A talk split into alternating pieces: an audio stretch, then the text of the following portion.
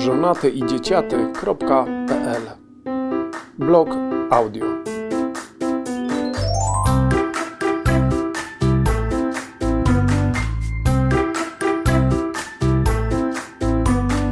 Czyta autor Edukacja w domu. Na miękko.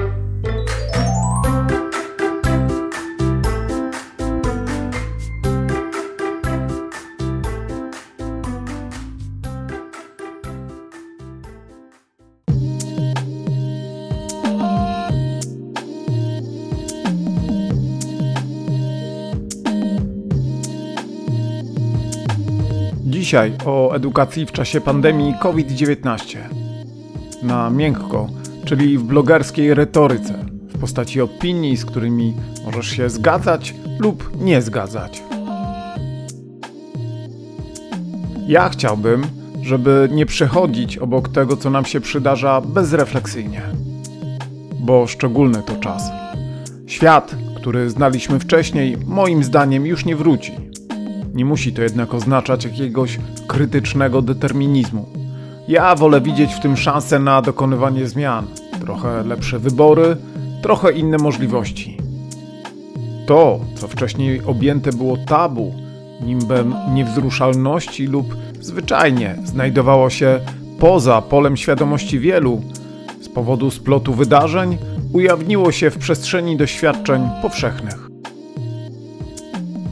siła i słabości dotychczas stosowanych podejść, strategii i rozwiązań, wszystko jest na widoku, przysłowiowym widelcu.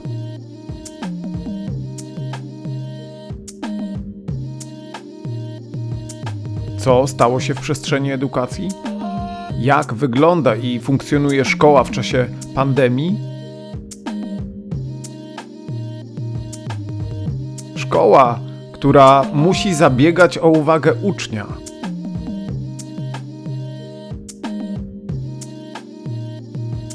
Szkoła walcząca o czas, jaki uczeń zechce jej poświęcić.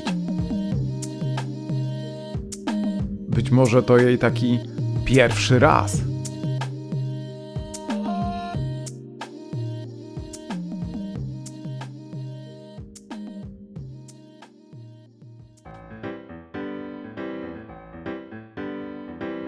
Szkoła taka stara się być nowoczesną. Co to zmienia? Sporo, moim zdaniem. Pomijając obnażone nieprzygotowanie i fatalną implementację kształcenia w formie zdalnej, także realizacji i rozliczania pracy uczniów w formie asynchronicznej, przypomnę, że tak zwane zgubione dzieci, czyli te, które nigdy nie pojawiły się w zdalnej edukacji lub też zniknęły z niej, zestawione z głoszonymi przez ministra edukacji sukcesami, są miarą wielkości tej porażki. Per saldo nas wszystkich. Co zatem zmienia nowoczesność? Jak za dotknięciem czarodziejskiej różdżki zniknęło odium władzy szkoły nad uczniem. Władza ta stała się małokształtna i odległa, jakby nierealna, a z pewnością bez mocy bo wystarczy dyskretnym ruchem lub przeciwnie, całkowicie jawnym, wyłączyć okienko ze szkołą w komputerze. Jestem pewien, że znaleźli się i tacy, którzy tego spróbowali. To może też zadziać się samo. Wielu z nas doświadcza problemów z łączem internetowym. Słyszę u nas w domu, jak uczniowie spóźniają się na zajęcie online i tłumacząc się jakimś kłopotem z technologią są usprawiedliwiani, albo inaczej, wreszcie rozumiani przez nauczycieli. Bo słyszę także, kiedy to po ich stronie pojawiają się podobne problemy. Szkoła bez narzędzi przymusu nagle musi konkurować z całym internetem. O czas właśnie i uwagę uczniów ten najbardziej pożądany w tym świecie towar. A doświadczenie podpowiada, że konkurencyjność na każdym rynku jest czynnikiem wpływającym na podnoszenie jego jakości. Czyż to nie fajne i dobre dla samej szkoły?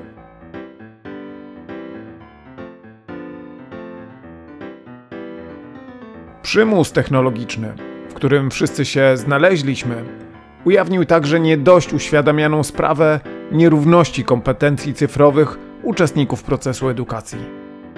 Często jest tak, że to uczniowie są tymi, którzy potrafią więcej w tej materii niż nauczyciele.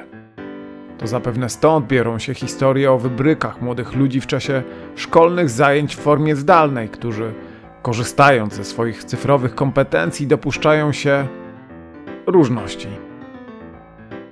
Często dzieciaki potrafią ograć system i z pewnością poruszają się swobodniej po tym świecie interfejsów i multitaskingu.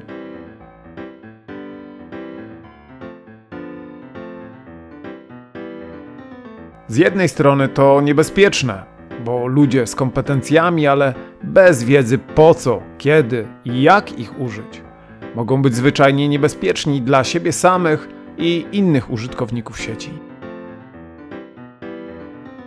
Z drugiej jednak dobrze, bo nic tak skutecznie nie zwróci uwagi szkoły na jej własne niekompetencje i cyfrową indolencję, jak robienie tego publicznie, na przykład w czasie zajęć. Tu i tam i w wielu innych miejscach. Czyż nie jest tak, że dostrzegane braki są najlepszym motywatorem do zmian?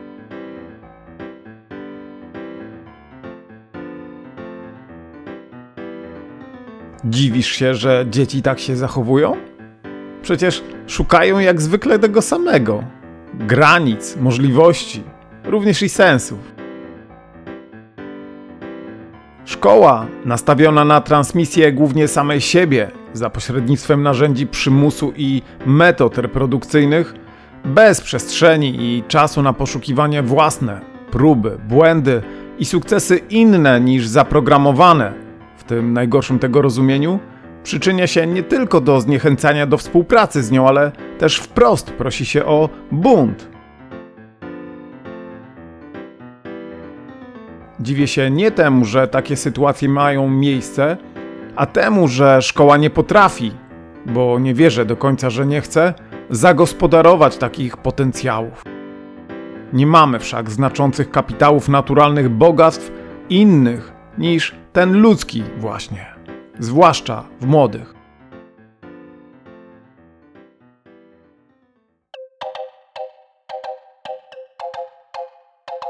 A propos ideologii, to wcześniejsze trochę zabrzmiało tak ideologicznie, jakkolwiek miało być postulatem czy ideą nowoczesności szkoły.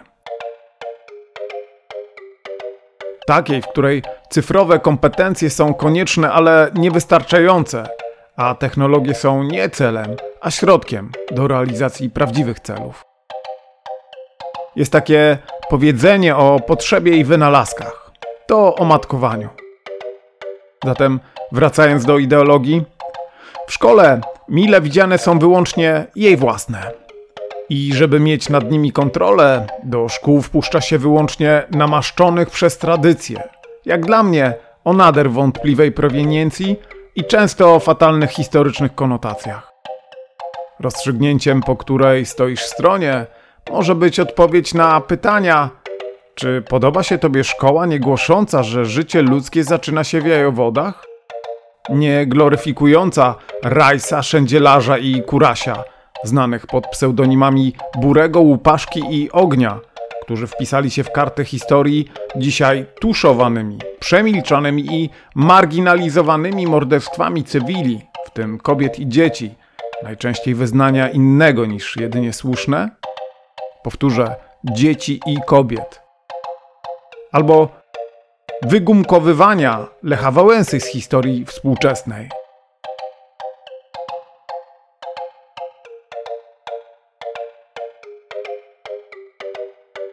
Wychowania do życia w rodzinie dziecko można, póki co, wypisać. Na religię, jeśli taka wola, także może ono nie uczęszczać. Ale z historią to nie przejdzie. I nie powinno bo bez korzeni stajemy się barbarzyńcami.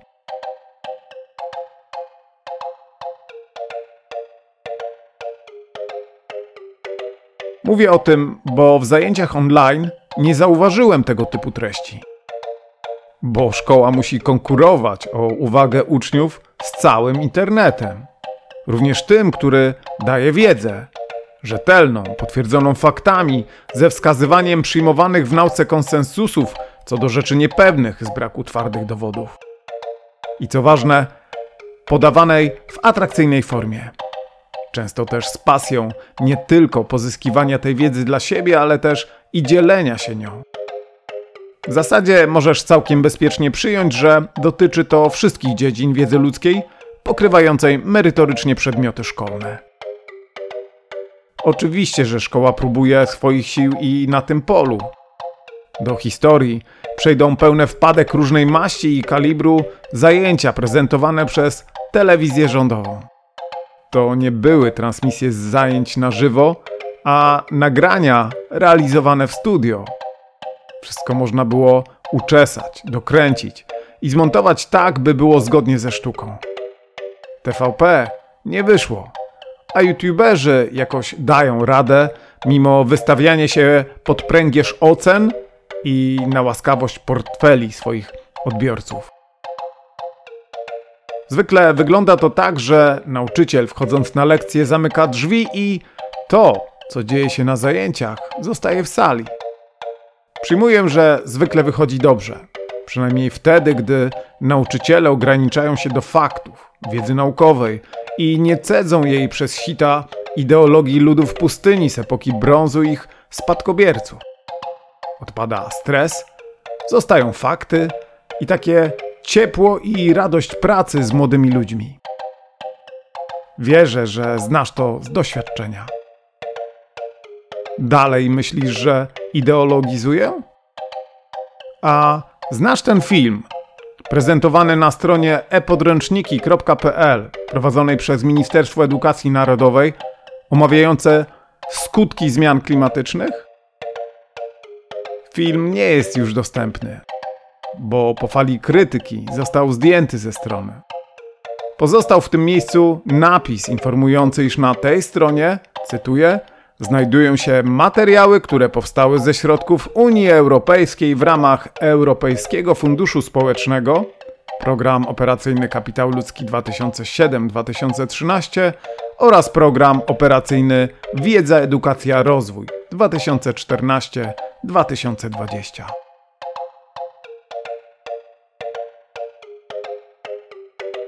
Serio doświadczamy przeważających korzyści z ocieplania się klimatu planety? Tak jak w bezpośredniej recepcji Ziemia jest płaska, tak dla ludzi słabo i lub źle wykształconych nie ma różnicy między pogodą a klimatem. Do tej pory modlitwo o deszcz w polskim Sejmie nie spowodowało odwrócenia postępującej i pogłębiającej się z roku na rok suszy. Zupełnie jak i te o ochronę przed COVID-19 i innymi zarazami. O ile nie można ludziom zabronić być głupimi, o tyle głoszenie intencjonalnie niezgodnych z wiedzą i przejawami natury faktów z mocy stanowisk i urzędów i sprawowanej władzy to wszak nie to samo co niewinne gadanie głupot.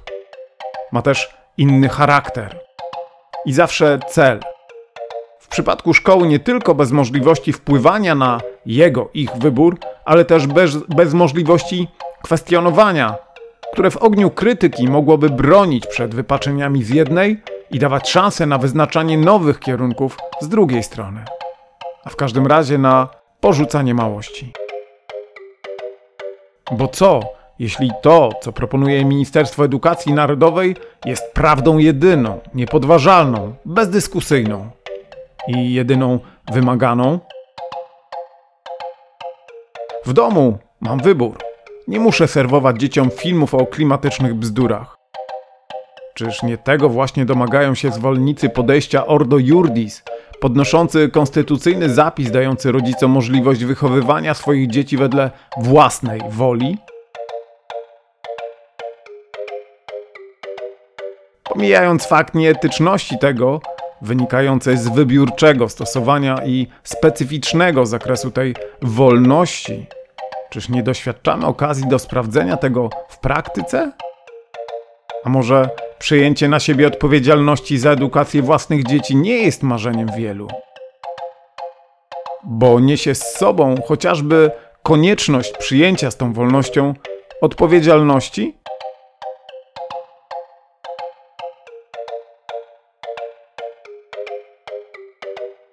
Przytaczałem na blogu wiersz Mariana Jachimowicza. Pomyśl siebie. Tu ograniczę się do jego puenty, czyli ponownie przytoczę całość tych kilku linijek utworu.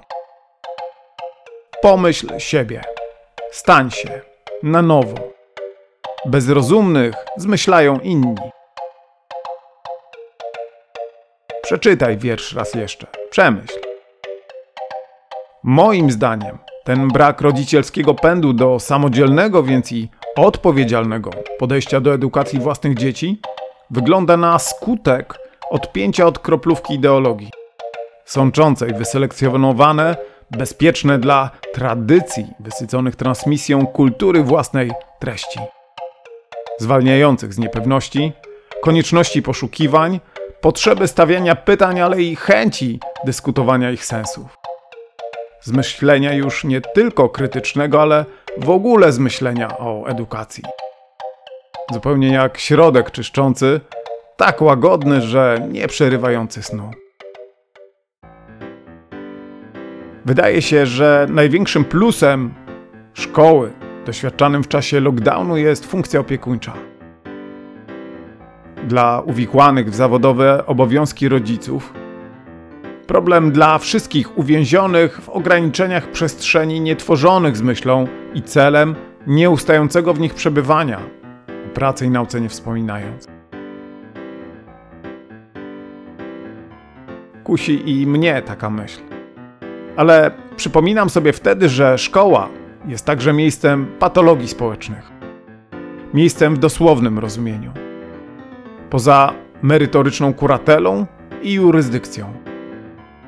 I nie mów mi, że nie wiesz o tym świecie podłości, zdrad, szpil, także hejtu, mobbingu, całkiem często przemocy.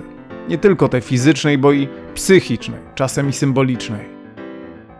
Szkoła się stara, to pewne. Niestety straszne i smutne historie i tak mają miejsce. Ja zadaję sobie pytanie, czy takie ograniczenie w dawkowaniu szkoły nie jest lepsze? Bo z punktu bezpieczniejsze dla moich dzieci. Bo na ich relacje towarzyskie poza szkołą mam większy wpływ, bo jest ich mniej, bo dzięki temu mogą być one głębsze. Niestety, pandemia wirusów nie służy pomocą w odpowiedzi. Ograniczenia kontaktów międzyludzkich są straszne i moim zdaniem najbardziej dotkliwie odczuwalne właśnie przez dzieci. My, dorośli, znajdziemy sobie zajęcie, pracę. Możemy nawet cieszyć się takim detoksem przez jakiś czas. Ale dzieci odczuwają to inaczej. Są wprost biedniejsze. Nie ćwiczą mięśni rozwoju społecznego. Nie mogą uczyć się siebie, swoich reakcji, budować i utrzymywać relacji. Nie weryfikują swoich strategii bycia w grupie. I nie, że bez szkoły nie można tego robić. Nie mogą tego robić z powodu narzuconych ograniczeń. Jeśli nie wierzysz, przypomnij sobie wakacje. Czyż nie kwitniemy towarzysko w tym czasie? Najsmutniejszym dla mnie jest fakt, że na dobrą sprawę nie mamy dla szkoły powszechnej alternatywy.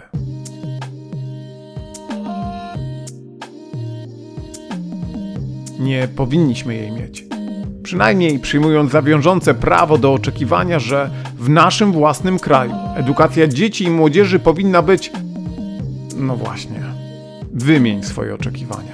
Najlepiej zapisz je na kartce. Zachowaj. I zestaw je z rzeczywistością za jakiś czas.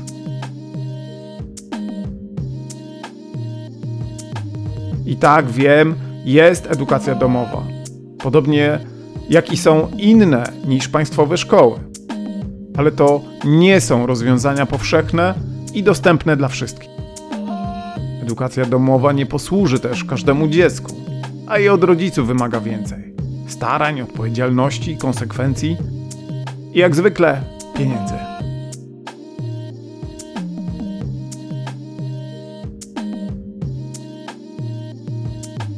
Żeby nie było, że dzisiaj tylko cud, miód i orzeszki, dodam łyżkę dziegciu.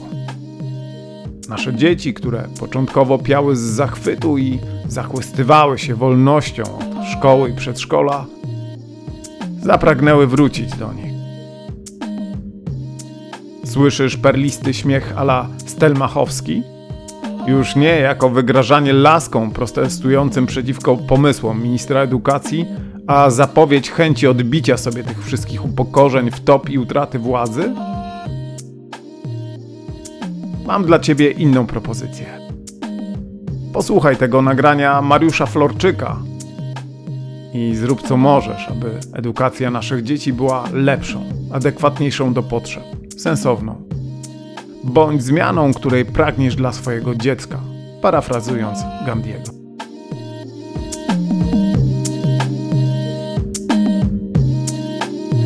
Dobrze będzie, będzie dobrze, będzie dobrze. Dobrze będzie, będzie dobrze, będzie dobrze.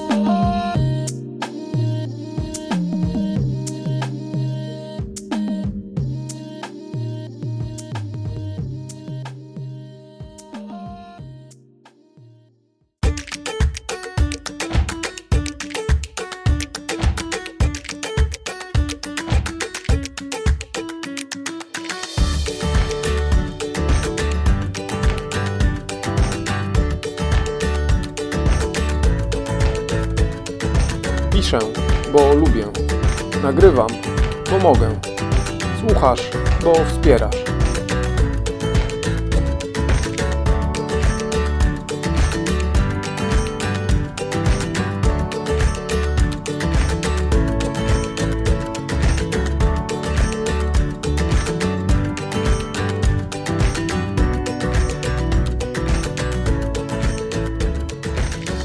Żonaty i dzieciaty.pl Blog audio